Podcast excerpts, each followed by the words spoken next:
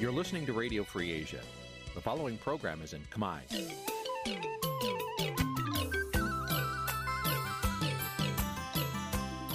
Nǐ chi càm bi tiệp xáy vệt chiu a zì sê ray នេះជាកម្មវិធីផ្សាយរបស់ Vithu Azisari ជាភាសាខ្មែរ វត្តឈូអាស៊ីសេរីសូមស្វាគមន៍លោកអ្នកនាងទាំងអស់ពីរដ្ឋធានី Washington នៃសហរដ្ឋអាមេរិក បាទប្រធានាធិបតី Washington ខ្ញុំបាទទីនសាការីយ៉ាសូមជម្រាបសួរលោកនាងកញ្ញាទាំងអស់ជាទីមេត្រីយើងខ្ញុំសូមជូនកម្មវិធីផ្សាយសម្រាប់ព្រឹកថ្ងៃអង្គារ9កើតខែអាសត់ឆ្នាំខាលចត្វាស័កពុរសករាជ2566ត្រូវនៅថ្ងៃទី4ខែតុលាគ្រិស្តសករាជ2022បាទជាដំបូងនេះសូមអញ្ជើញលោកនាងកញ្ញាស្ដាប់ព័ត៌មានប្រចាំថ្ងៃដែលមានមេត្តាដូចតទៅ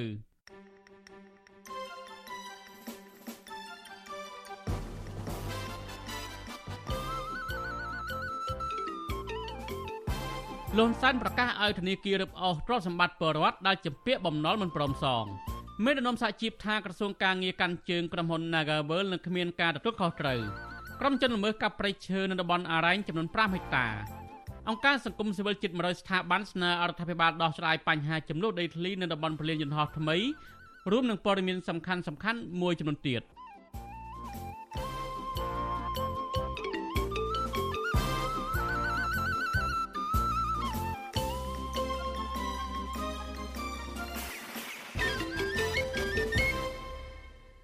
បាទលោកនាយកទីមេត្រីជាបន្តទៅនេះខ្ញុំបាទធីនសាករិយាសូមជូនព័ត៌មានពិស្ដាបាទលោកនាយកទីមេត្រីប្រជាសហគមន៍បឹងតមោកប្រមាណជា20នាក់ទៅសាកសួរញត្តិរបស់ពួកគាត់នៅសាលារាជធានីភ្នំពេញបន្ទាប់ពីគ្មានការឆ្លើយតបណាមួយពីអាជ្ញាធរក្រោយពីពួកគាត់បានដាក់កាលពីថ្ងៃទី3សីហាមន្ត្រីសង្គមស៊ីវិលយល់ថារដ្ឋាភិបាលត្រូវពន្លឿនដោះស្រាយបញ្ហាដីធ្លីនៅបឹងតមោកដោយដំណាភាពនិងសន្តិវិធីជៀសវាងការបណ្តេញចេញដោយបង្ខំ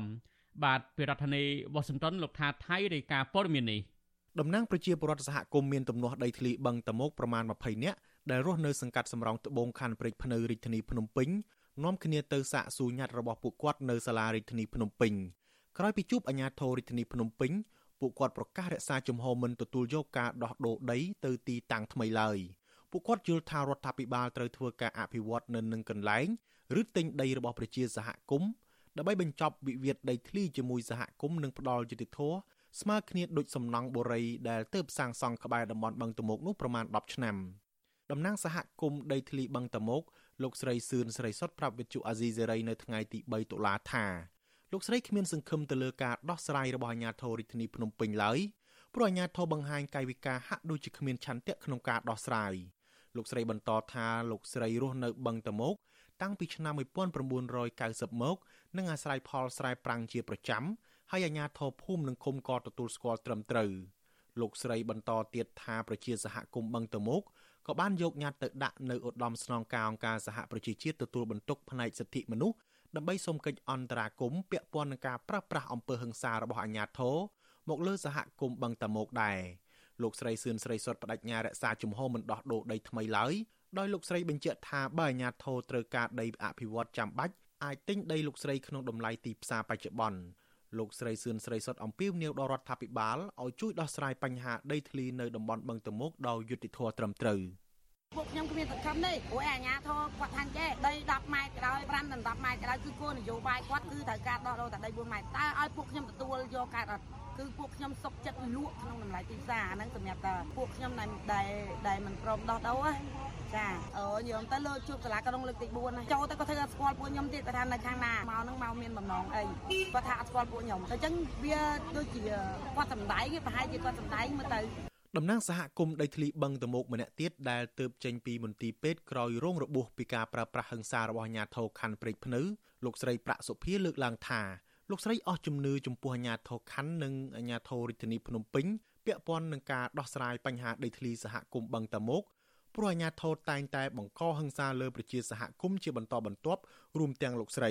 លោកស្រីនៅតែបន្តអំពាវនាវដល់រដ្ឋាភិបាលនិងស្ថាប័នពាក់ព័ន្ធដើម្បីដោះស្រាយសហគមន៍ដីធ្លីបឹងតមោក និងបញ្ឈប់ការធ្វើទុកបុកម្នេញដល់ប្រជាសហគមន៍លោកស្រីថាអាញាធររាជធានីភ្នំពេញសន្យាកំណត់យកថ្ងៃទី6ខែតុលាចុះមកសហគមន៍បឹងតមោកដើម្បីបញ្ជាក់និងកំណត់ចំនួនប្រជាសហគមន៍ដែលព្រមទទួលយកការដោះដូរដីធ្លី និងអ្នកមិនព្រមទទួលយកឡើងវិញលោកស្រីប្រាក់សុភាគាំទ្រការអភិវឌ្ឍរបស់រដ្ឋាភិបាលប៉ុន្តែត្រូវអភិវឌ្ឍនៅនឹងកន្លែងដែលមិនធ្វើឲ្យប៉ះពាល់ដល់ប្រជាពលរដ្ឋនៅក្នុងសហគមន៍ គាត់ឲ្យខាងតំណាងសហគមន៍12អ្នកហ្នឹងឡើងទៅសាលាខណ្ឌជាមួយគាត់ឲ្យហៅពលរដ្ឋម្ដង3គ្រួសារអ្នកណាព្រមដូរអ្នកណាព្រមនៅអញ្ចឹងខ្ញុំថាបើឲ្យតំណាងចូលរួមខ្ញុំព្រមតែបើសិនជាក្នុងគណៈដែលពលរដ្ឋខ្ញុំអត់ព្រមដោះដូរលោកមិនមានសិទ្ធិក្នុងការសម្លុតឬគម្រាមពលរដ្ឋខ្ញុំជាដាច់ខាតអញ្ចឹងបានគាត់ថាហ្នឹងហើយអញ្ចឹងបានគាត់សុំឲ្យអន្តរាគមខាងតំណាងគាត់ថាអញ្ចឹងពួកខ្ញុំដល់12អ្នកហ្នឹងគឺអន្តរាគមសមាជិកខ្ញុំនៅក្នុងសហគមន៍អ្នកដែលចង់ដូរពួកខ្ញុំអត់មានសិទ្ធិក្នុងនាមដែលគ្នាខ្ញុំជាតំណាងអត់មានសិទ្ធិខាត់អត់មានសិទ្ធិបង្ខំទេអញ្ជើញទៅដូរចោះតែអ្នកដែលមិនព្រមដូរគឺពួកខ្ញុំត្រូវតែអន្តរាគមសូមអភិវឌ្ឍនៅនឹងកន្លែងវិទ្យុអាស៊ីសេរីមិនអាចតាក់ទងแนะនាំពាក្យសាលារដ្ឋាភិបាលភ្នំពេញលោកមេតមាសភក្តីដើម្បីឆ្លើយតបជុំវិញរឿងនេះបានទេនៅថ្ងៃទី3តុលាដោយលោកអះអាងថារវល់បើកឡានជុំវិញរឿងនេះនាយកទទួលបន្ទុកកិច្ចការទូតនៃអង្គការសិទ្ធិមនុស្សលីកាដូលោកអំសំអាតយល់ឃើញថាអាញាធរពពាន់គូតែពន្លឿនដោះស្រាយបញ្ហាដីធ្លីជូនប្រជាពលរដ្ឋ ដើម្បីបញ្ជាការប៉ះទង្គិចគ្នាដោយប្រើអំពើហិង្សាលោកបន្តថាអាញាធរត្រូវដោះស្រាយដោយដំណាភាពកុំឲ្យមានការរិះគន់និងចោទប្រកាន់ផ្សេងផ្សេងទៅលើរដ្ឋាភិបាលព្រោះកន្លងមករដ្ឋាភិបាលក៏បានសម្បទានដីទៅស្ថាប័នរដ្ឋនិងឯកជនមួយចំនួនដែរជាមួយគ្នានេះ លោកអំសំអាតអះអាងថាកាលណាមានអំពើហិង្សាកើតឡើងហើយគ្មានការស៊ើបអង្កេតនិងផ្ដន់ទាទោសទៅលើអ្នកប្រព្រឹត្តនោះទេនឹងក្លាយទៅជាវប្បធម៌មួយគាំទ្រនិងលើកទឹកចិត្តឲ្យមានការបន្តប្រើអំពើហិង្សាបន្តទៀត។ជាចំណុចដែលយើងមានការព្រួយបារម្ភខ្លាចលោកើតនៅការបណ្ដឹងចេញដែលបង្ខំណាមួយហើយវាអាចនឹងកើតនៅអំពើហិង្សា ទុស្រាយគ្នាកើតឡើងហើយអាចឈានទៅដល់ការចាប់ខ្លួនឬការឃុំខ្លួនប្រជាពលរដ្ឋដូចជាករណីដីធ្លីមុនមុនទៀតដែរណាពីព្រោះដល់ពេលនេះហើយយើងគួរតែបញ្ចប់នៃការបណ្ដឹងចេញដែលបង្ខំឬក៏បញ្ហាការកើតឡើងដោយអំពើហិង្សាណាមួយឬក៏ការចោទប្រកាន់និងការចាប់ខ្លួន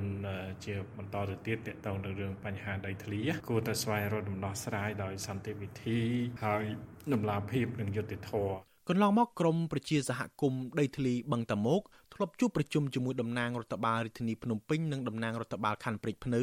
ដើម្បីស្វែងរកដំណោះស្រាយដីធ្លី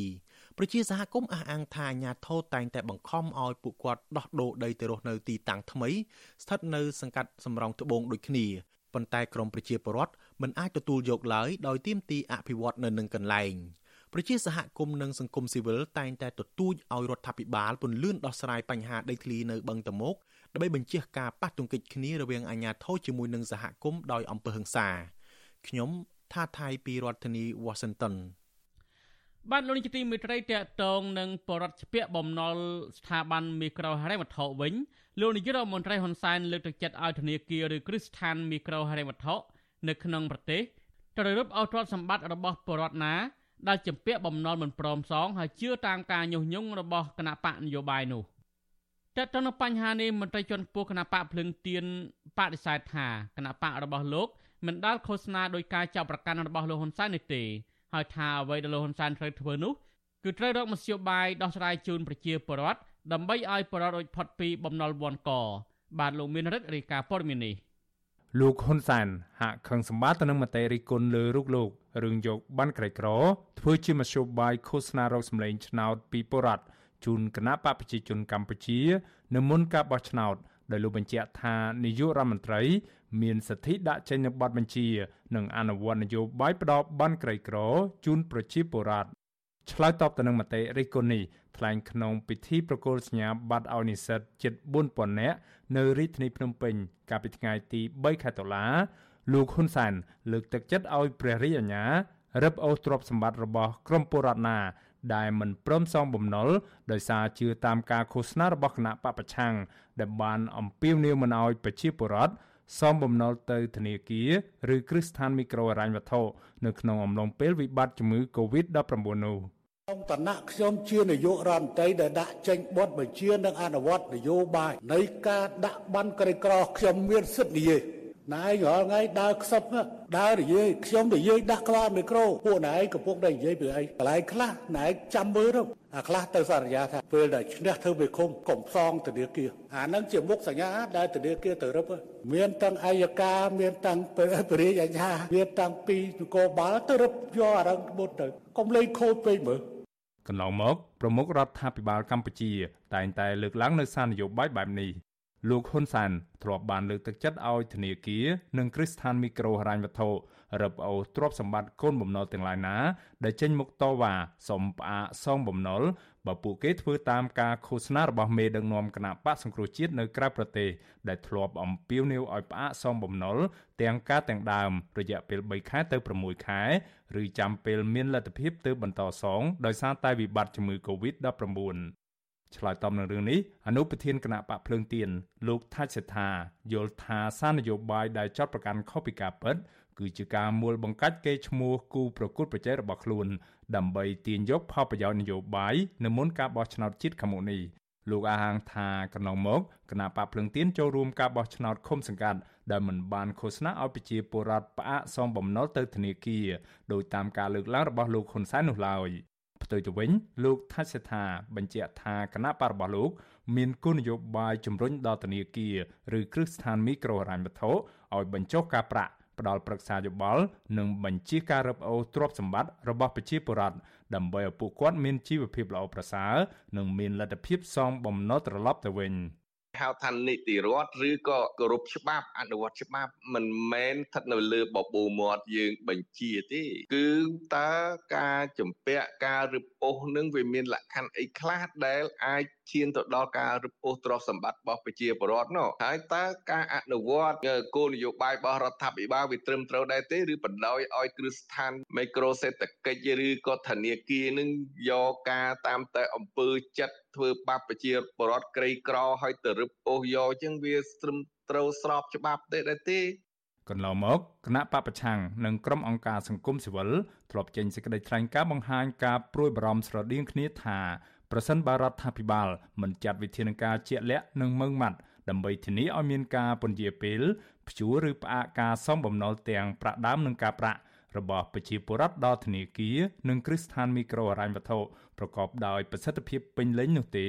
នោះនឹងធ្វើឲ្យជីវភាពរស់នៅ សុខភាព និងសុវត្ថិភាពកម្មសិទ្ធិដីធ្លីរួមទាំងផ្ទះសម្បែងរបស់ប្រជាពលរដ្ឋកម្ពុជារាប់លាននាក់ត្រូវប្រឈមទៅនឹងហានិភ័យខ្ពស់ហើយអាចនឹងកើតមានវិបត្តិសង្គមផ្សេងៗជុំវិញរឿងនេះនាយកទទួលបន្ទុកកិច្ចការទូតនៃអង្គការសិទ្ធិមនុស្សលីកាដូ លោកអំសមាតមានប្រសាសន៍ថាសារព្រមាននេះមិនមែនជាលើកទី1នោះទេលោកមើលឃើញថាអំឡុងពេលនៃការរីករាលដាលជំងឺ Covid-19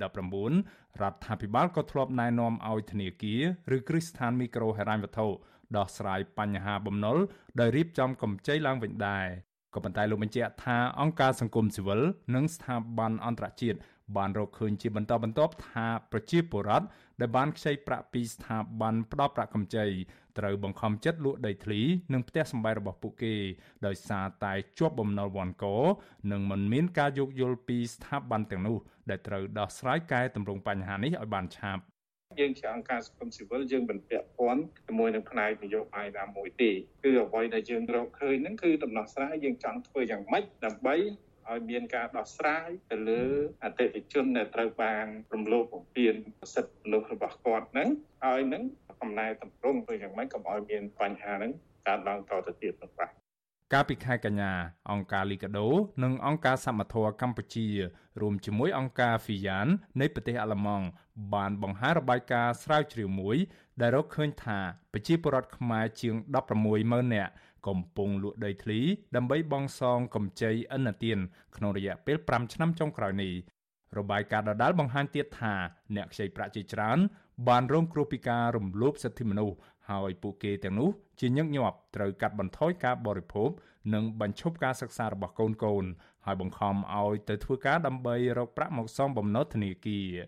ការសិក្សាដែលធ្វើឡើងដោយអ្នកសិក្សាស្រាវជ្រាវមកពីវិទ្យាស្ថានសម្រាប់ការអភិវឌ្ឍនិងសន្តិភាព ហៅកាត់ថា INEF នៃសាកលវិទ្យាល័យមួយនៅប្រទេសអាល្លឺម៉ង់ស្ដីពីមីក្រូហិរញ្ញវត្ថុនៅកម្ពុជា ការអភិវឌ្ឍបញ្ហាប្រឈមនិងអនុសាសន៍ឆ្នាំ2022បង្ហាញថាក្នុងចន្លោះរវាងពី25%ទៅ50%នៃពលរដ្ឋជិត3លានគ្រួសារកំពុងជាប់បំណុលវ៉ាន់កខណៈស្ថាប័នផ្ដល់ប្រាក់កម្ចីទទួលបានប្រាក់ចំណេញរាប់រយលានដុល្លារជារៀងរាល់ឆ្នាំខ្ញុំបាទមេរិត Visual C ស្រី រាយការណ៍ពីរដ្ឋធានី Washington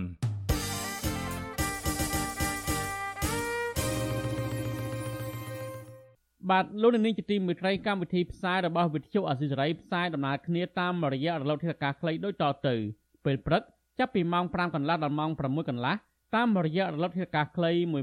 12140 kHz ស្មើនឹងកម្ពស់ 25m និង13715 kHz ស្មើនឹងកម្ពស់ 22m ពេលយប់ ចាប់ពីម៉ោង7កន្លះដល់ម៉ោង8កន្លះ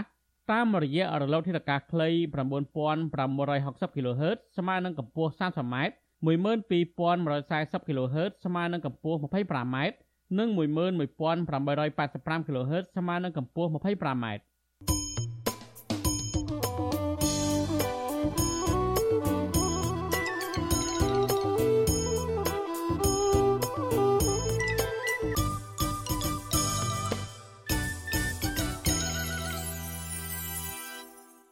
បានលោកនាយកទីមេត្រីក្រុមអង្គការសង្គមស៊ីវិលជាង80ស្ថាប័នកាលពីថ្ងៃទី3ដុល្លារបានចេញសេចក្តីថ្លែងការណ៍រួមមួយស្នើឲ្យរដ្ឋាភិបាលផ្តល់ដំណោះស្រាយសមរម្យដើម្បីបញ្ចប់វិវាទដីធ្លីរ៉ាំរ៉ៃរវាងក្រុមហ៊ុន OCIC របស់លោកអង្គញាពងខៀវសែនិងប្រជាពលរដ្ឋរាប់រយគ្រួសារដែលជាម្ចាស់ដីនៅតំបន់ប្រលានយន្តហោះអន្តរជាតិថ្មីភ្នំពេញក្នុងខេត្តកណ្ដាលសេចក្តីថ្លែងការណ៍នេះធ្វើឡើងក្នុងថ្ងៃទិវាសិទ្ធិលំនៅឋានពិភពលោកលើកទី37 បាទសូមលោកនាងស្ដាប់សេចក្តីរាយការណ៍របស់លោកថាថៃមួយទៀតអំពីរឿងនេះក្រុមអង្គការសង្គមស៊ីវិលដែលធ្វើការងារពាក់ព័ន្ធនឹងសិទ្ធិមនុស្សសិទ្ធិការងារសិទ្ធិដីធ្លីទុនធានធម្មជាតិនិងសហគមន៍ដីធ្លីបន្តស្នើឲ្យរដ្ឋាភិបាលកម្ពុជាក្រុមហ៊ុននិងអ្នកពាក់ព័ន្ធត្រូវគោរពសិទ្ធិលំនៅឋានសិទ្ធិកាន់កាប់និងភាពជាម្ចាស់ទ្រព្យសម្បត្តិស្របច្បាប់ជាតិនិងអន្តរជាតិឲ្យបានពេញលេញគ្រប់ទីកន្លែងនិងគ្រប់ពលរដ្ឋដែលពាក់ព័ន្ធអង្គការសង្គមស៊ីវិលទាំងនោះរួមមានមជ្ឈមណ្ឌលសិទ្ធិមនុស្សកម្ពុជា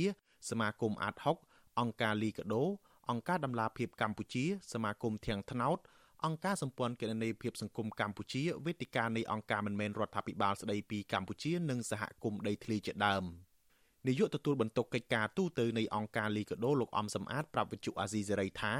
គោលបំណងនៃសេចក្តីថ្លែងការណ៍នេះដើម្បីជំរុញឲ្យរដ្ឋាភិបាល ក្រុមហ៊ុននិងអាជ្ញាធរពាក់ព័ន្ធ ពន្លឿនការដោះស្រាយវិវាទដីធ្លីនេះឲ្យសមស្របតាមតម្លៃទីផ្សារនិងទម្លាក់ការចោទប្រកាន់លើប្រជាពលរដ្ឋដែលទាមទារសំណងដីធ្លី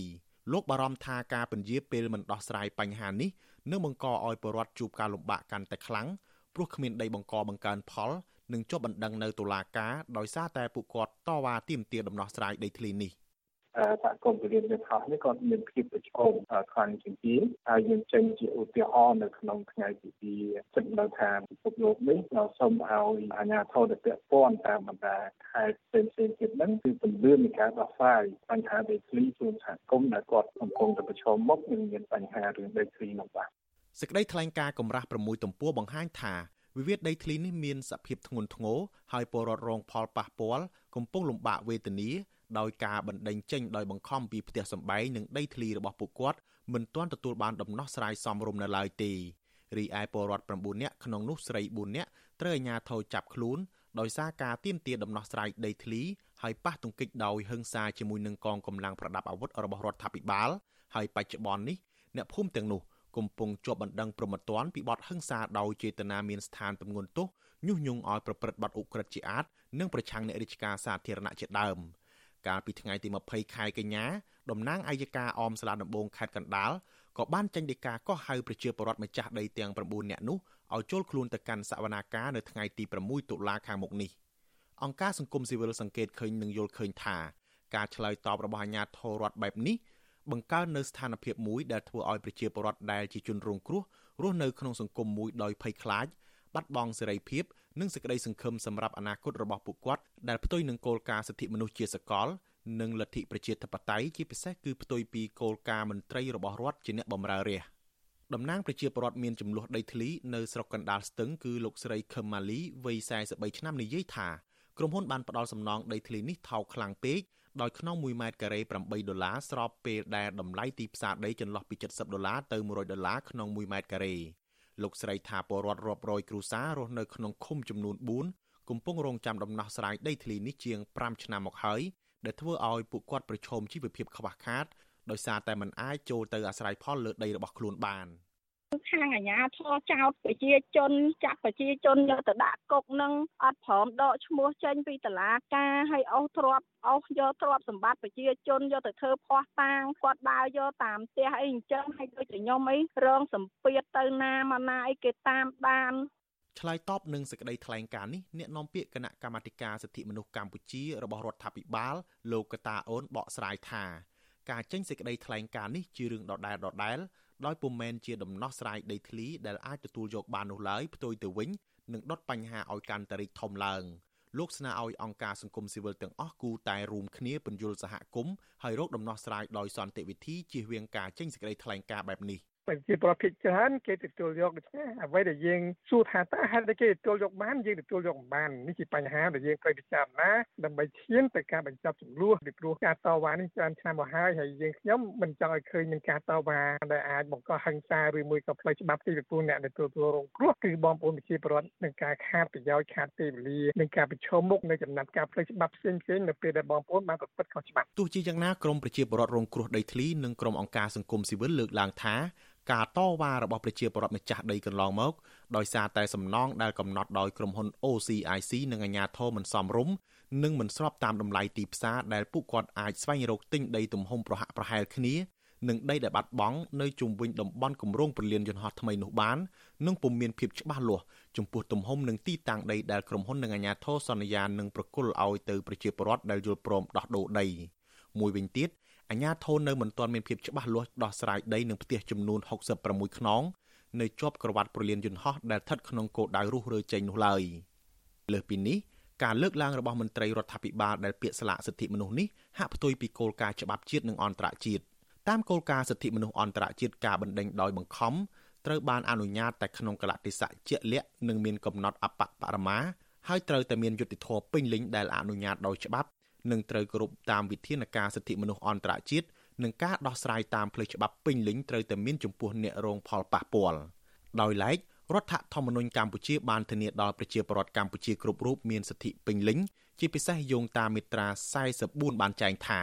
ជនណាក៏ដោយទោះជាបុគ្គលក្តីជាសមូហភាពក្តីមានសិទ្ធិជាម្ចាស់កម្មសិទ្ធិកម្មសិទ្ធិឯកជនស្របច្បាប់ស្ថិតនៅក្រោមការគាំពៀនៃច្បាប់ហើយដែលនឹងដកហូតកម្មសិទ្ធិពីជនណាមួយនោះ លុះត្រាតែប្រយោជន៍សាធារណៈត្រូវបានធ្វើក្នុងករណីដែលច្បាប់បានបញ្ញត្តិទុកហើយត្រូវផ្ដល់សំណងជាមុនដោយសមរម្យនិងយុត្តិធម៌ម្យ៉ាងវិញទៀតមាត្រា22នៃច្បាប់អាសាមិក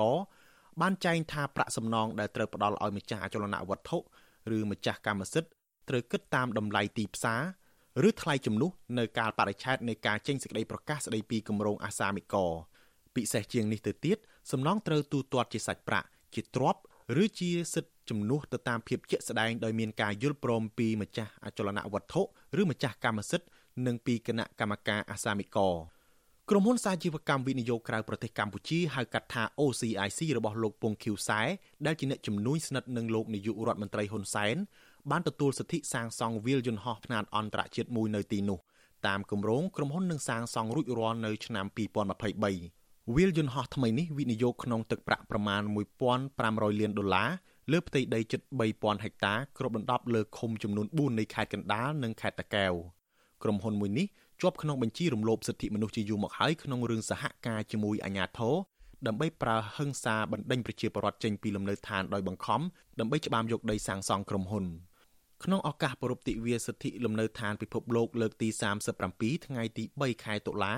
ក្រុមអង្គការសមាគមសំណូមពរដល់រាជរដ្ឋាភិបាលកម្ពុជាក្រុមហ៊ុននិងអ្នកពាក់ព័ន្ធត្រូវធានាថាមានការគោរពនៅសិទ្ធិលំនៅឋានសិទ្ធិកាន់កាប់និងភាពជាម្ចាស់លើសម្បត្តិឯកជនស្របតាមច្បាប់ជាតិនិងច្បាប់សិទ្ធិមនុស្សអន្តរជាតិឲ្យបានពេញលេញគ្រប់ទីកន្លែងនិងគ្រប់ពលរដ្ឋដែលពាក់ព័ន្ធចំពោះករណីទំនាស់ដីធ្លីនៅតំបន់អភិវឌ្ឍប្រលានយន្តហោះថ្មីនេះអង្គការសង្គមស៊ីវិលស្នើសុំ5ចំណុចរួមមានស្នើសុំឲ្យតុលាការទម្លាក់ចោលការចាត់ប្រកាន់លើប្រជាពលរដ្ឋទាំង9នាក់ ព្រមទាំងសូមឲ្យរាជរដ្ឋាភិបាលនិងក្រុមហ៊ុនពន្យាការដោះស្រាយទំនាស់ដីធ្លីជូនពួកគាត់ដែលរងផលប៉ះពាល់ទៅតាមតម្លៃទីផ្សារនិងការយល់ព្រមពីប្រជាពលរដ្ឋម្ចាស់ដីខ្ញុំថាថៃពីរដ្ឋធានី Washington បានលោកនេះទីមួយត្រីតទៅនឹងបទល្មើសព្រៃឈើនៅតំបន់អារ៉ែងវិញយុវជនខ្មែរថាវរៈអះអាងថាព្រៃនៅក្នុងតំបន់អារ៉ែងធំតូចទាំងអស់ជាង5ហិកតា នៅស្រុកថ្មបាំងខេត្តកោះកុងត្រូវបានក្រុមមន្ត្រីបរិស្ថានស្រុកថ្មបាំងកាប់ផ្ដួលរំលំទាំងអស់ ក្នុងគោលបំណងឈូសឆាយយកដីព្រៃនេះទៅធ្វើជាទ្រព្យសម្បត្តិឯកជន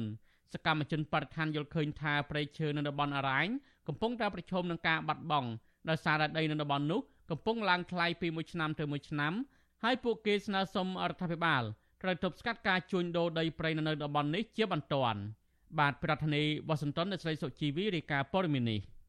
សកម្មជនក្រមខ្មែរថាវរៈលោកស្វាយសំណាងប្រាប់វិទ្យុអាស៊ីសេរីកាលពីថ្ងៃទី3ខែតុលាថា ព្រៃឈើនៅក្នុងតំបន់អរ៉ែងនៅតាមផ្លូវឡើងទៅមរិចកង្កែបក្នុងឃុំជំនាប់ស្រុកថ្មបាំងជាង5ហិកតាត្រូវបានមន្ត្រីបរិស្ថានស្រុកថ្មបាំងកាប់ផ្ដួលរំលំទាំងអស់កាលពីចុងខែកញ្ញាកន្លងទៅ លោកស្វាយសំណាងបន្ថែមថាព្រៃឈើនៅតំបន់អរ៉ែងកំពុងប្រឈមការបាត់បង់យ៉ាងខ្លាំងបន្ទាប់ពីដីនៅតំបន់នោះឡើងថ្លៃពីមួយឆ្នាំទៅមួយឆ្នាំ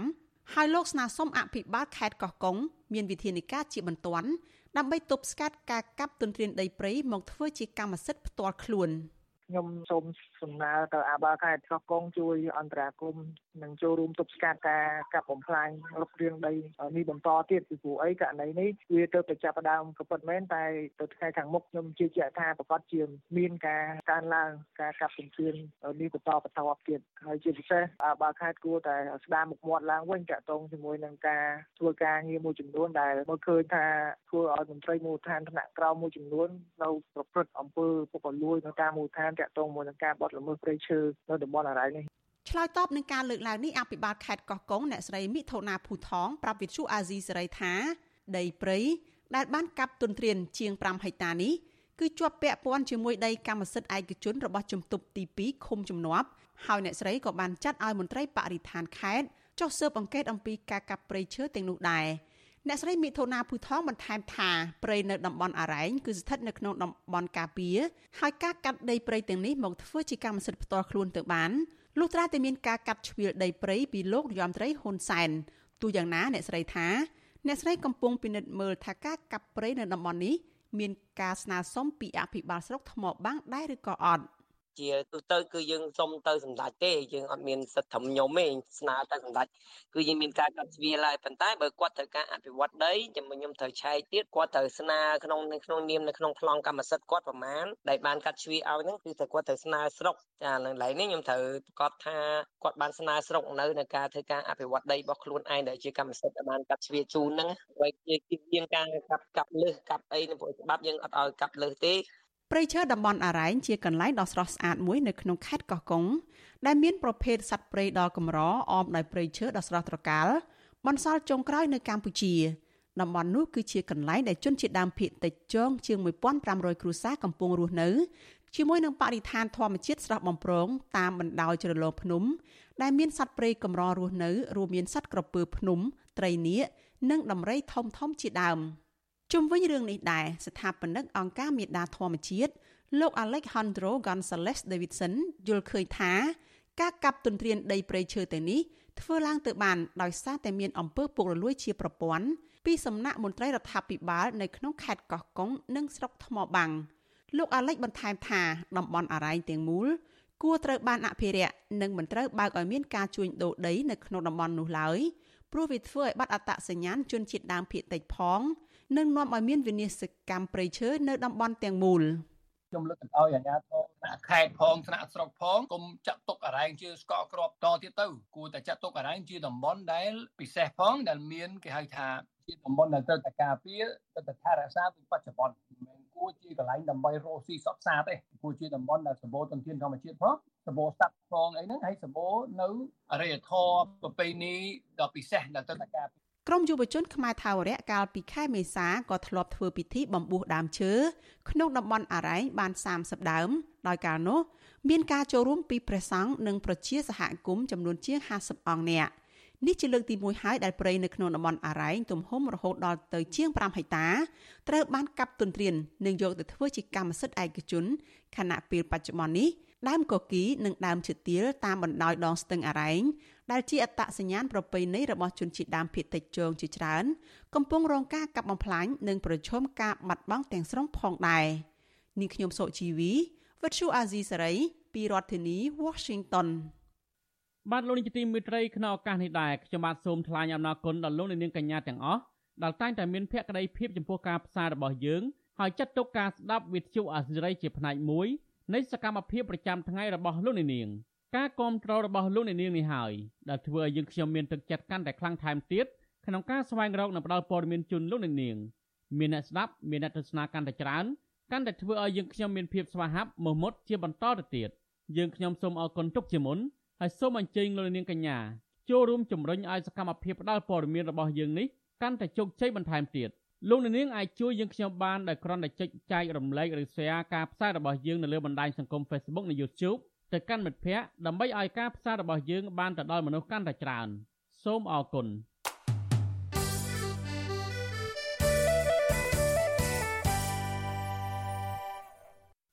បាទលោកនាយកទីមេត្រីតកតងនឹង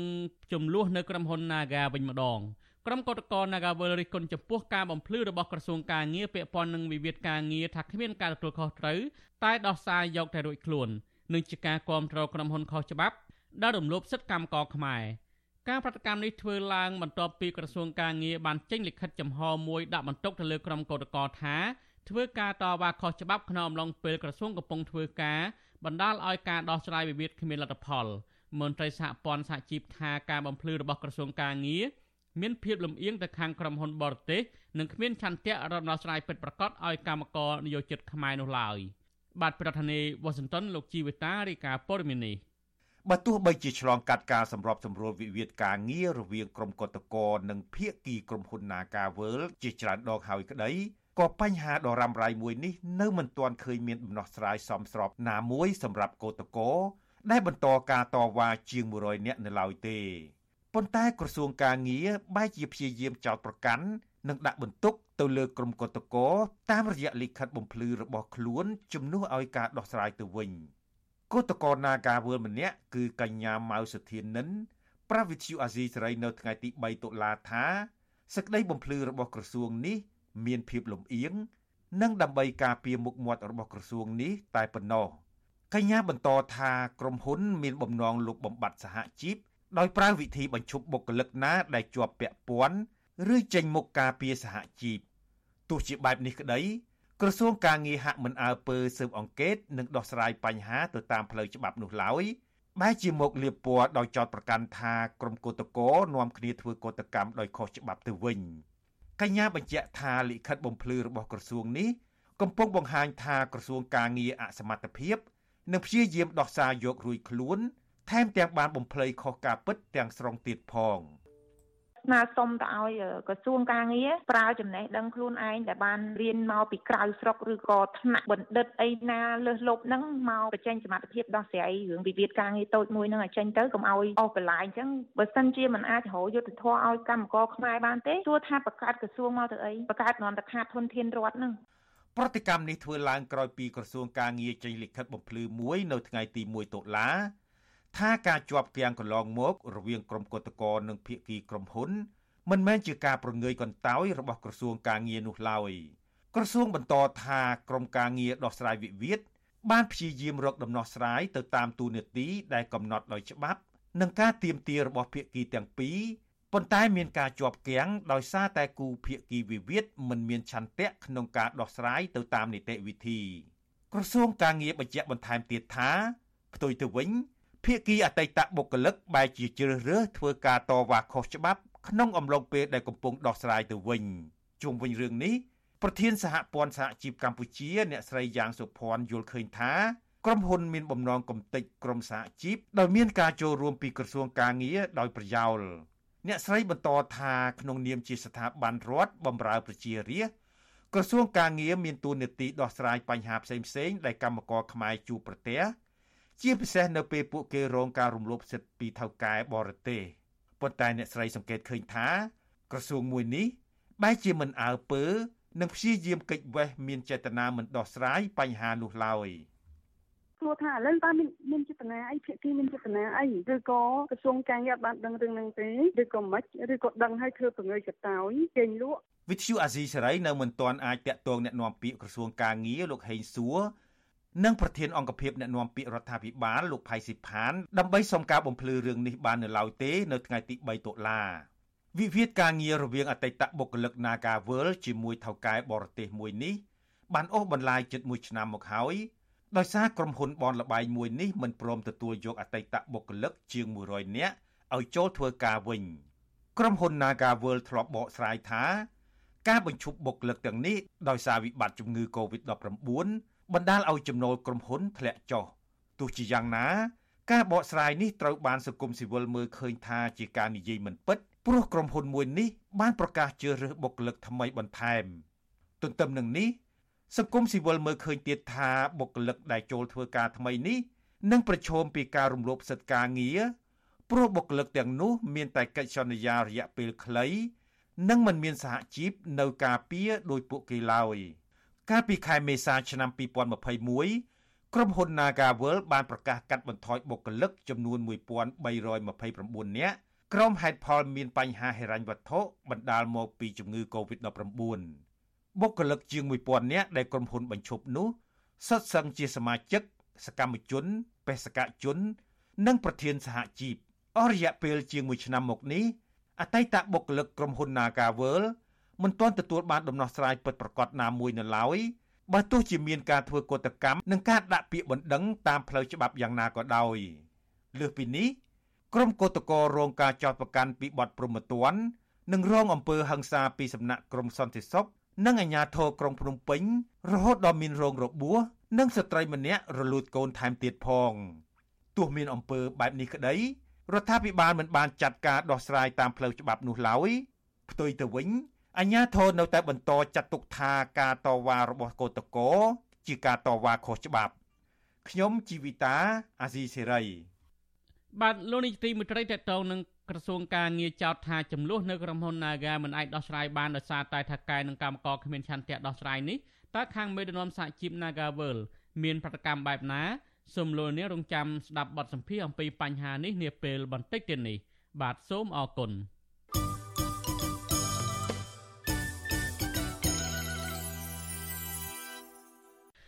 បាទលោកនាយកទីមេត្រីតេតតងនឹងការជួញដូរមនុស្សវិញ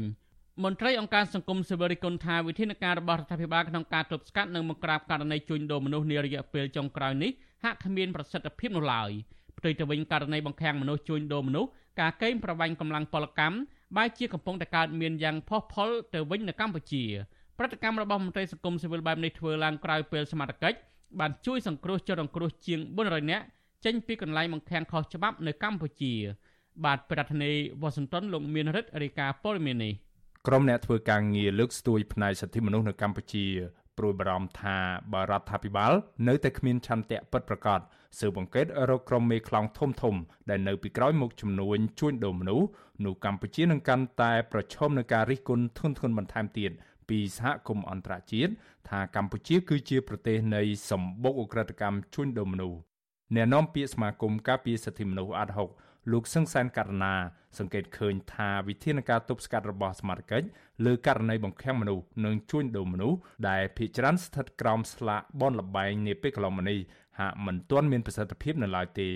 លោកយល់ថាករណីបង្ខាំងមនុស្សនិងជួញដូរមនុស្សនេះអាចតាក់ទងទៅនឹងការបើកអាជីវកម្មបនលបែងខុសច្បាប់ក្រោយពីរដ្ឋាភិបាលបើកដៃឲ្យជនបរទេសជាពិសេសជនជាតិចិនបើកអាជីវកម្មបនលបែងអនឡាញនាពេលកន្លងទៅ ហើយយើងមានការព្រួយបារម្ភជនបរទេសជាពិសេសជនជាតិចិនហ្នឹងគឺមកយកទីតាំងនៅក្នុងប្រទេសយើងហ្នឹងទៅប្រព្រឹត្តនៅបទល្មើសទាំងអស់ហ្នឹងដែលជាហេតុធ្វើឲ្យប៉ះពាល់ដល់មុខមាត់របស់រដ្ឋាភិបាលនៅលើឆាកអន្តរជាតិអាចអន្តរជាតិគេចាត់ទុកថាប្រទេសយើងជាទីកន្លែងគ្រោះថ្នាក់ដែលពិបាកក្នុងការសហការប្រកបនៅ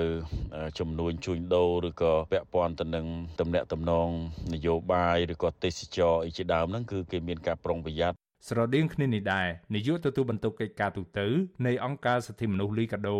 លោកអំសំអាតលើកឡើងថាបើក្នុងករណីថកែបនលបែងកាស៊ីណូណាមួយ បង្ខំឲ្យបុគ្គលិកធ្វើការច្រើនម៉ោងបំបិទសិទ្ធិសេរីភាពកម្មករមិនឲ្យដើរហើរមានសេរីភាពនោះទេនោះគឺជាការបង្ខាំងមនុស្សខុសច្បាប់ ទោះបីជាយ៉ាងណាលោកមើលឃើញថាការរកឃើញនៅក្រុមហ៊ុន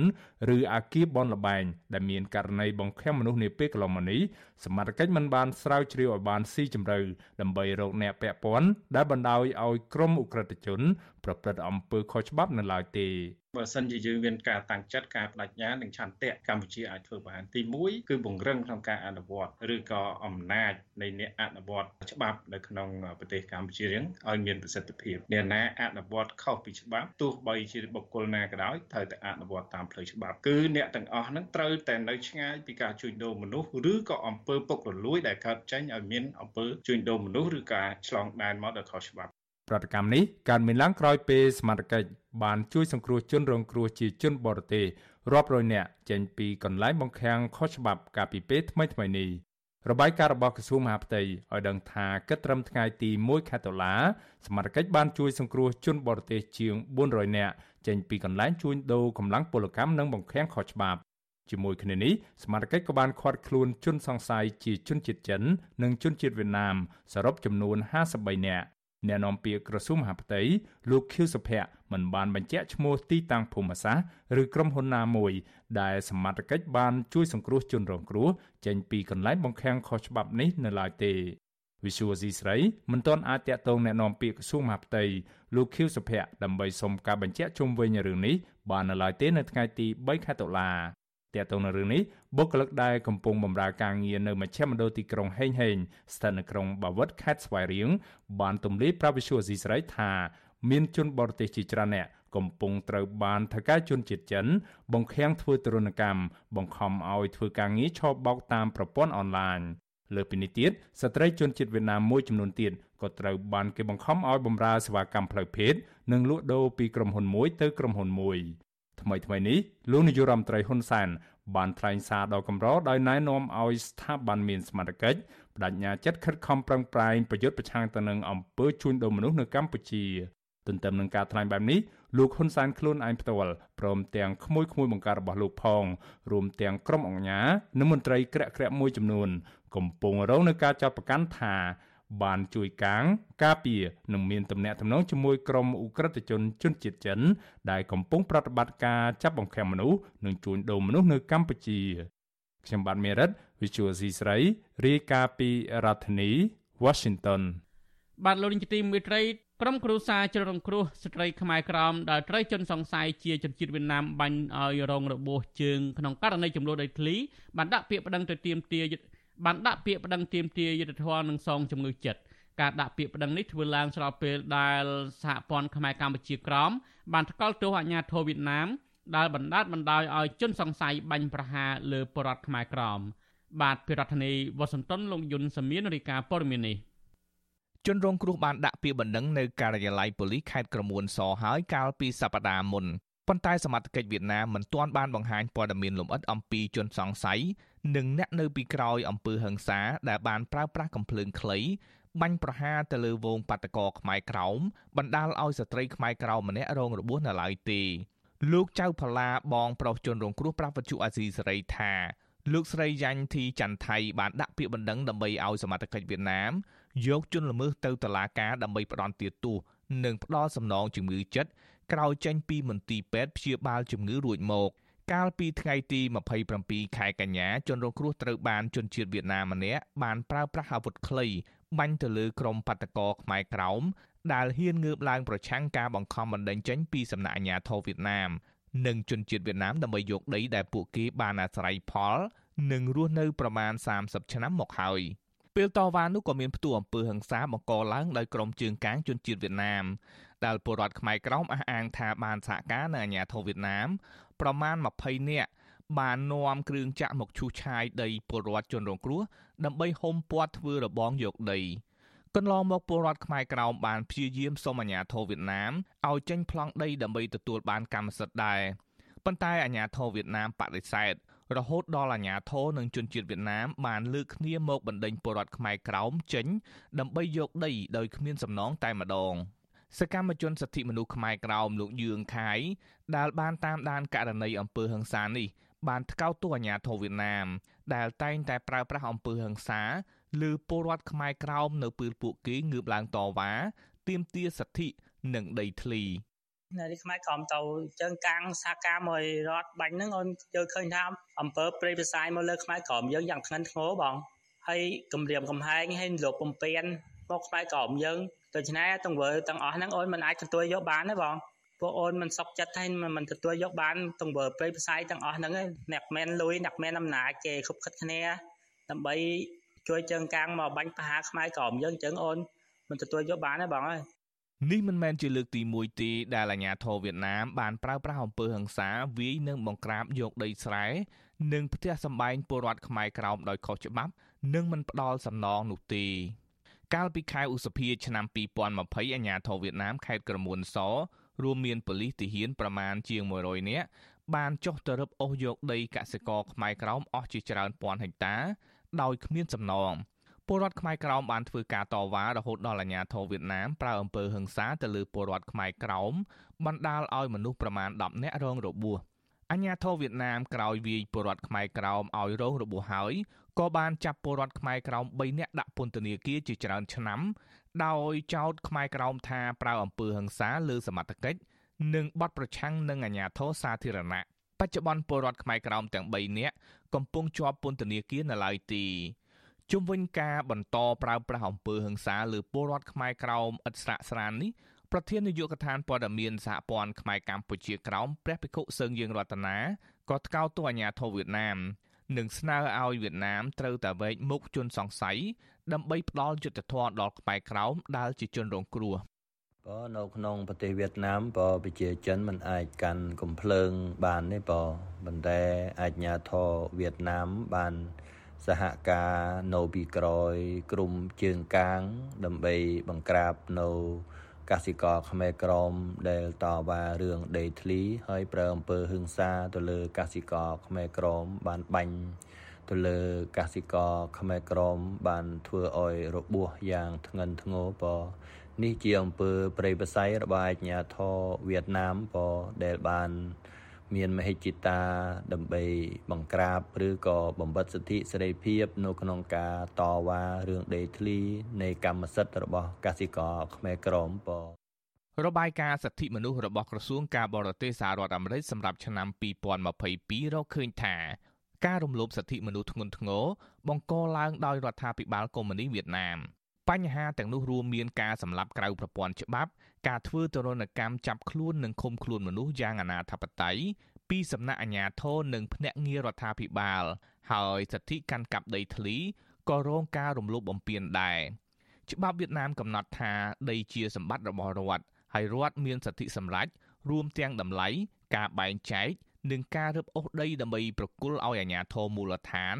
ដែលបញ្ហានេះបណ្ដាលឲ្យមានអំពើពុករលួយនិងអយុត្តិធម៌ចំនួនដីធ្លីតែងកើតមានឡើងនៅពេលដែលមានការបែងចែកដីដើម្បីបង្កើតជាគម្រោងអភិវឌ្ឍដែលបណ្ដាលឲ្យមានការមិនសប្បាយចិត្តពីសាធារណជនក្រសួងការបរទេសអាមេរិកក៏រកឃើញថាក្រុមហ៊ុនអភិវឌ្ឍវៀតណាមបានជួលប៉ូលីសស្លៀកពាក់ស៊ីវិលនិងក្រុមជើងកាងទៅគម្រាមកំហែងពលរដ្ឋដើម្បីរឹបអូសដីធ្លីនិងផ្ទះសម្បែងពួកគេ អញ្ញាធរនិងតឡាការវៀតណាមក៏តែងតែចោទប្រកាន់ពលរដ្ឋដែលហ៊ានតវ៉ាប្រឆាំងការបណ្តេញចេញពីបទប្រឆាំងនឹងអាញាធរសាធារណៈនិងបង្កបញ្ហាអសន្តិភាពសង្គមខ្ញុំយុនសាមៀនវិទ្យុអាស៊ីសេរីប្រធានាធិបតី Washington បានលោកនាយកទីមេត្រីតកតងនឹងចំនួននៅក្រុមហ៊ុន Nagavel ដែលអស់បន្លាយនេះមេដឹកនាំសហជីព Nagavel អះអាងថាក្រសួងការងារកាន់ជើងខាងក្រុមហ៊ុន Naga ទើបការដោះស្រាយកន្លងមកមិនបានបញ្ចប់ កញ្ញាឈឹមស៊ីធអះអាងថាក្រសួងការងារចាប់ប្រកាន់ក្រុមកម្មករថាគ្មានឆន្ទៈដោះស្រាយនិងបាននាំគ្នាធ្វើកតកម្មខុសច្បាប់នោះថាជារឿងមិនទទួលខុសត្រូវឡើយបាទកញ្ញាឈឹមស៊ីធឃើញថាថ្មីថ្មីនេះក្រសួងការងារបានចេញសេចក្តីបំភ្លឺមួយតាក់ទងនឹងការដោះស្រាយវិវាទការងារនៅក្រុមហ៊ុន Naga កន្លងមកមិនបានជោគជ័យនោះគឺខាងក្រសួងការងារបានចោទថាដោយសារតែក្រុមកម្មករគ្មានឆន្ទៈដោះស្រាយ ហើយបាននាំគ្នាធ្វើកតកម្មខុសច្បាប់ទៅវិញកញ្ញាស៊ីធតើបញ្ហានេះកញ្ញាមានការឆ្លើយតបឬក៏ប្រតិកម្មបែបណាបាទចាមែនតើទៅការចរចាបើយើងរាប់ទៅគឺជាង10ដងហើយប្រហែលជា18ដងហើយបើសិនជាយើងមើលតាមស្ដីប្រកាសរបស់ក្រសួងច្រើនដងពេកយើងឡើងលេងចាំចំនួនដងណា ប៉ុន្តែជាក់ស្ដែងទោះបីប្រជុំច្រើនដងយ៉ាងណាក៏ដោយក៏អត់មានដំណោះស្រាយដែរមិនទៅមុខទៅណាទេដោយសារខាងភាគីក្រុមហ៊ុនគឺនៅតែបដិសេធក្នុងការទូទទួលយកតំណែងសហជីពនិងកម្មករយោជិកដែលទាមទារត្រឡប់ទៅធ្វើការវិញហើយដល់ពេលឥឡូវខាងក្រសួងគាត់បែរទៅជាចោទថាភាគីសងខាងគ្មានឆន្ទៈនៅក្នុងការដោះស្រាយបញ្ហាអញ្ចឹងយើងមើលឃើញថាជាធម្មតាដោយសារតែភាគីទាំងសងខាងអត់និយាយអត់ត្រូវគ្នានឹងហើយបានជាយករឿងហ្នឹងទៅប្តឹងដល់ក្រសួងការងារអញ្ចឹងក្រសួងការងារត្រូវដើរតួជា អាជ្ញាកណ្ដាលហើយបើគាត់ដើរតួជាអាជ្ញាកណ្ដាលគាត់គាត់ត្រូវបកស្រាយផ្អែកទៅលើច្បាប់ផ្អែកទៅលើយុត្តិធម៌អញ្ចឹងយើងរកឃើញថារឿងហ្នឹងគឺក្រសួងក្រុមហ៊ុន Nagawal គឺគាត់បានបំពេញមេត្រាច្បាប់ជាច្រើនដែលក្រុមហ៊ុននឹងមិនអនុវត្តអញ្ចឹងក្នុងនាមក្រសួងមួយទាំងមូល ដែលមានសមត្ថកិច្ចនៅក្នុងការជំរុញឲ្យនយោជកគោរពច្បាប់ហេតុអីបានជាមិនជំរុញឲ្យ Naga គោរពច្បាប់បែរទៅជានិយាយទម្លាក់កំហុសយករួចខ្លួនថាភាគីអត់មានឆន្ទៈនៅក្នុងការដោះស្រាយអញ្ចឹងទូនាទីរបស់ក្រសួងហ្នឹងតើជាទូនាទីអាជ្ញាកណ្ដាលឬក៏យ៉ាងណាបើសិនជាគាត់មិនមានសមត្ថភាពនៅក្នុងការដោះស្រាយសួរថាតើយើងបង្កើតក្រសួងការងារមកធ្វើអីអាហ្នឹងជារឿងមួយរឿងមួយទៀតមិនត្រឹមតែមិនដោះស្រាយឲ្យហើយបែរទៅជាធ្វើពីខាំងសនាបានន័យថាបង្អាក់មិនឲ្យអាជ្ញាកណ្ដាលអាចកាត់សេចក្តីបាន ដោយយកហេតុផលថាក្រុមហ៊ុនកំពុងតែស្នើសុំការអនុញ្ញាតពីអធិការកិច្ចការងារនៅក្នុងការប្រជុំតំណាងកម្មករនិយោជិកហើយយើងឃើញថាមកដល់ម៉ោងនេះយើងបានដាក់លិខិតជាច្រើនលើកច្រើនសារសួរនាំរលិខិតក្នុងថាតើ ក្រសួងឬក៏អធិការកិច្ចការងារនឹងឯកភាពជាមួយនឹងក្រុមហ៊ុន Nagawer ឬទេក្នុងការឲ្យអនុញ្ញាតឲ្យក្រុមហ៊ុននឹងប្រជុំតំណាងសហជីពប្រជុំប្រធានថ្នាក់ដឹកនាំសហជីពដែលមានច្បាប់ការពារពិសេសនឹងគឺយើងអត់ទាន់ឃើញយើងអត់បានឃើញសោះតែម្ដងលិខិតនឹងអញ្ចឹងដែលនិយាយថាភាគីសងខាងគ្មានឆន្ទៈខ្ញុំថាជាការនិយាយយករួចខ្លួនហើយខ្សោយជាការនិយាយដែលគ្មានការទទួលខុសត្រូវតែម្ដង ហើយនេះគឺជាការលើកទឹកចិត្តឲ្យនយោជកនៅក្នុងការបន្តរំលោភបំពានច្បាប់ការងារដែលនយោជកមករស់ស៊ីនៅក្នុងប្រទេសកម្ពុជានេះបាទអគុណសិទ្ធសិទ្ធមានប្រសាសន៍ថាកន្លងមកនោះគឺថាខាងក្រសួងការងារនឹងបានបំពេញច្បាប់ជាច្រើន ហើយតើការដោះស្រាយកន្លងមកនឹងខាងក្រសួងការងារនឹងបានបំពេញច្បាប់ជាច្រើននឹងបំពេញបែបណាហើយមិនបានចូលជាអាជ្ញាកណ្ដាលត្រឹមត្រូវនឹងបែបណាខ្លះទៅបាទសូមចេញចាមែនតើទៅយើងឃើញថា បើសិនជាករណីនៅក្រុមហ៊ុនផ្សេងនៅរោងចក្រដែលមានការប្រជុំថ្នាក់ដឹកនាំសហជីពខុសច្បាប់អញ្ចឹងយើងតែងតែឃើញមានលិខិតអន្តរាគមពីរដ្ឋមន្ត្រីនៅក្នុងការបញ្ជាឲ្យនយោជកអាចទទួលពួកគាត់ត្រឡប់ចូលធ្វើការវិញប៉ុន្តែយើងឃើញករណីនៅក្នុង Nagawer នេះប្រជុំតំណាងសហជីពដូចគ្នាមកដល់ម៉ោងនេះយើងអត់មានបានឃើញលិខិតតែម្ដងគុំថាលិខិតអន្តរាគមឲ្យចូលធ្វើការវិញសូម្បីតែលិខិតថាដែលក្រុមហ៊ុន Nagawer អះអាងថា ក្រសួងអនុញ្ញាតឲ្យប្រជុំហើយហ្នឹងក៏យើងអត់បានឃើញនេះគឺលាក់ចិត្តឈឹងហ្មងនឹងរឿងហ្នឹងរឿងហ្នឹងគឺជារឿងទី1ទី2បន្តពីនឹងមកទៀតក្រសួងក៏ចូលរួមជាមួយនឹងខាងភាគីក្រុមហ៊ុននៅក្នុងការបដិសេធមិនទទួលស្គាល់តំណាងសហជីពដែលបោះឆ្នោតជាប់អាណត្តិថ្មីក៏ដូចជាបញ្ជាឲ្យក្រុមហ៊ុនបកកវិភាគទានសហជីពហើយក៏បញ្ជាឲ្យទៅអនុញ្ញាតឲ្យខាងភាគីក្រុមហ៊ុននឹងរើសអើងកម្មករយុជិកដែល ចូលរួមធ្វើកោតកម្មហ្នឹងដល់ពេលដែលគាត់អស់លទ្ធភាពគាត់ស្របចូលធ្វើការវិញហ្នឹងគឺពួកគាត់អ្នកខ្លះត្រូវបានឲ្យឲ្យទៅនៅដាច់ដោយឡែកទៅឆ្ងាយពីនៅអត់បានចូលកន្លែងធ្វើការទេប៉ុន្តែគេយកគាត់ទៅកន្លែងអឺអឺកន្លែងដែលដែលបដោះបដាលសម្រាប់បុគ្គលិកថ្មីហើយទាំងដែលពួកគាត់អត់មានត្រូវរៀនអីទេហើយមួយទៀតអ្នកដែលកន្លងថ្មីថ្មីនេះដែលគាត់ចង់ត្រឡប់ចូលធ្វើការវិញហ្នឹងគឺក្រុមហ៊ុនអត់ឲ្យចូលធ្វើការតែម្ដងអញ្ចឹងអានេះគឺជាការបំពេញច្បាប់ម្ដងជាពីរដងរបស់ក្រុមហ៊ុន Nagawer ហើយ ក្រសួងគឺគ្រប់គ្រងឲ្យមិនមានវិធានការអ្វីទាំងអស់បាទអគុណសិទ្ធិអញ្ចឹងការចរចាកន្លងមកនឹងនៅដំណាក់កាលនីមួយៗនៅពេលភាគីខាងតកែហើយនិងខាងកម្មករបានជួបគ្នាហើយហើយសម្រាប់សម្រួលដោយខាងក្រសួងការងារនឹងការចរចាកន្លងមកនឹងប្រព្រឹត្តទៅដោយមិនទៅបាទមែនតើទៅគូគាត់ទៅពេលដែលជាការចាប់ដើមនៅក្នុងការសម្របសម្រួលគឺគាត់ប្រកាសហ្មងគាត់ថាគាត់អត់មានសិទ្ធអឺអត់មានសិទ្ធបង្ខំឲ្យភាគី ធ្វើតាមអីដែលក្រសួងបញ្ជាទេប៉ុន្តែសំណួរសួរថាបើសិនជាយើងបញ្ជាអីដែលខុសច្បាប់យើងយើងយើងយើងនិយាយរឿងអីដែលមិនមានចែងនៅក្នុងច្បាប់អាហ្នឹងគាត់អាចប្រើភាសានឹងបានប៉ុន្តែរឿងក្រុមហ៊ុន Nagavel នេះគឺជារឿងដែលបំពានច្បាប់ហើយនៅក្នុងនាមជាក្រសួងនេះអ្នកជំរុញឲ្យជាអ្នកអនុវត្តច្បាប់ហើយគាត់បែរទៅជាប្រើភាសាដែលមិនអាចចាប់បង្ខំភាគីបានអាហ្នឹងគឺវាអត់វាអត់ប្រកក្តីខ្លាំងមែនតើហ្មងយើងយើងមិនដឹងថាតើ យើងយើងមានក្រសួងការងារធ្វើអីបើសិនជាក្រសួងនិយាយបែបហ្នឹងហើយយើងចំណាយលុយជាតិរបស់យើងក្នុងមួយឆ្នាំមួយឆ្នាំអស់ប្រមាណទៅលើក្រសួងមួយហ្នឹងប្រាក់ខែរដ្ឋមន្ត្រីប្រាក់ខែរដ្ឋលេខាធិការនិងបុគ្គលិកនៅក្នុងក្រសួងការងារទាំងអស់ហ្នឹងប្រហែលក្នុងមួយឆ្នាំរាប់លានដុល្លារតែយើងចំណាយធ្វើអីបើសិនជាពួកគាត់អត់អត់ដឹងទូនទីពួកគាត់ត្រូវធ្វើអីផងសិទ្ធិបាទបើមើលអំពីដំណើរដើមតងឬក៏ប្រវត្តិនៃចំនួននេះឃើញថាខាង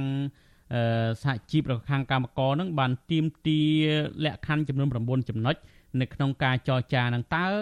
លក្ខខណ្ឌទាំង9ចំណុចនៅក្នុងការចរចាកន្លងមកនេះ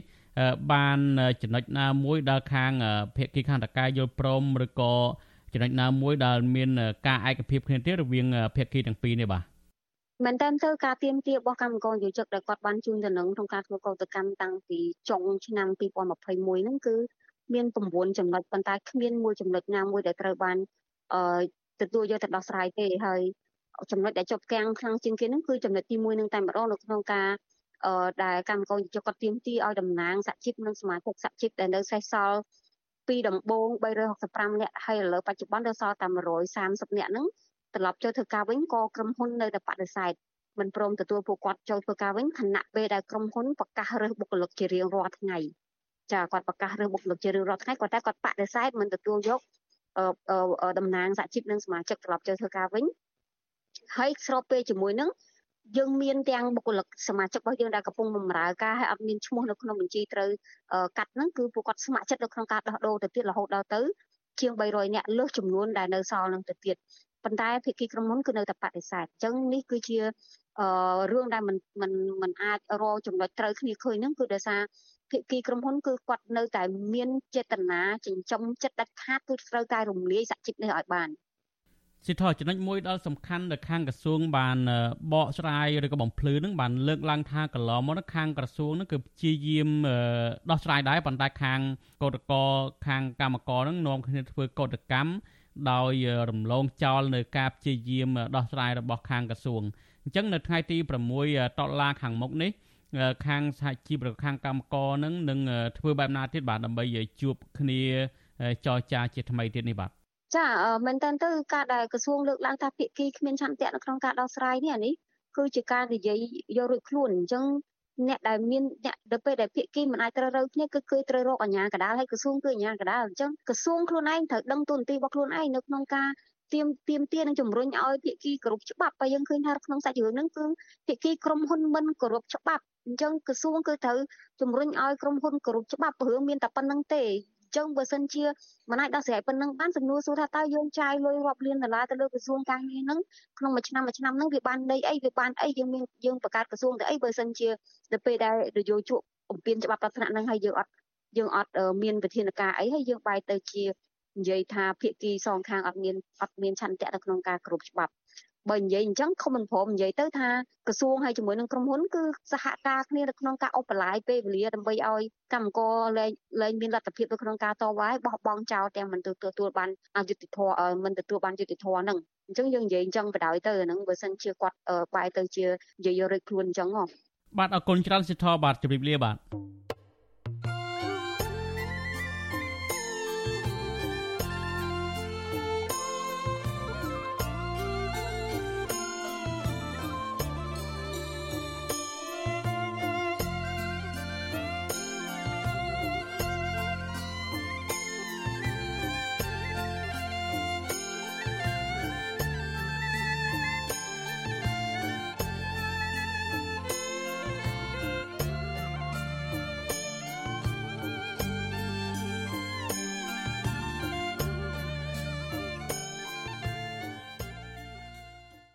បាទលោកនាងជាទីមេត្រីការផ្សាយរយៈពេល1ម៉ោងនៃវិទ្យុអាស៊ីសេរីជាភាសាខ្មែរនៅពេលនេះចប់តែប៉ុណ្ណេះយើងខ្ញុំសូមជូនពរដល់លោកនាងព្រមទាំងក្រុមគ្រួសារទាំងអស់ឲ្យជួបប្រកបតែនឹងសេចក្តីសុខចម្រើនរុងរឿងកុំបីឃ្លៀងឃ្លាតឡើយខ្ញុំបាទទីនសាករិយាព្រមទាំងក្រុមការងារទាំងអស់នៃវិទ្យុអាស៊ីសេរីសូមអរគុណនិងសូមជម្រាបលា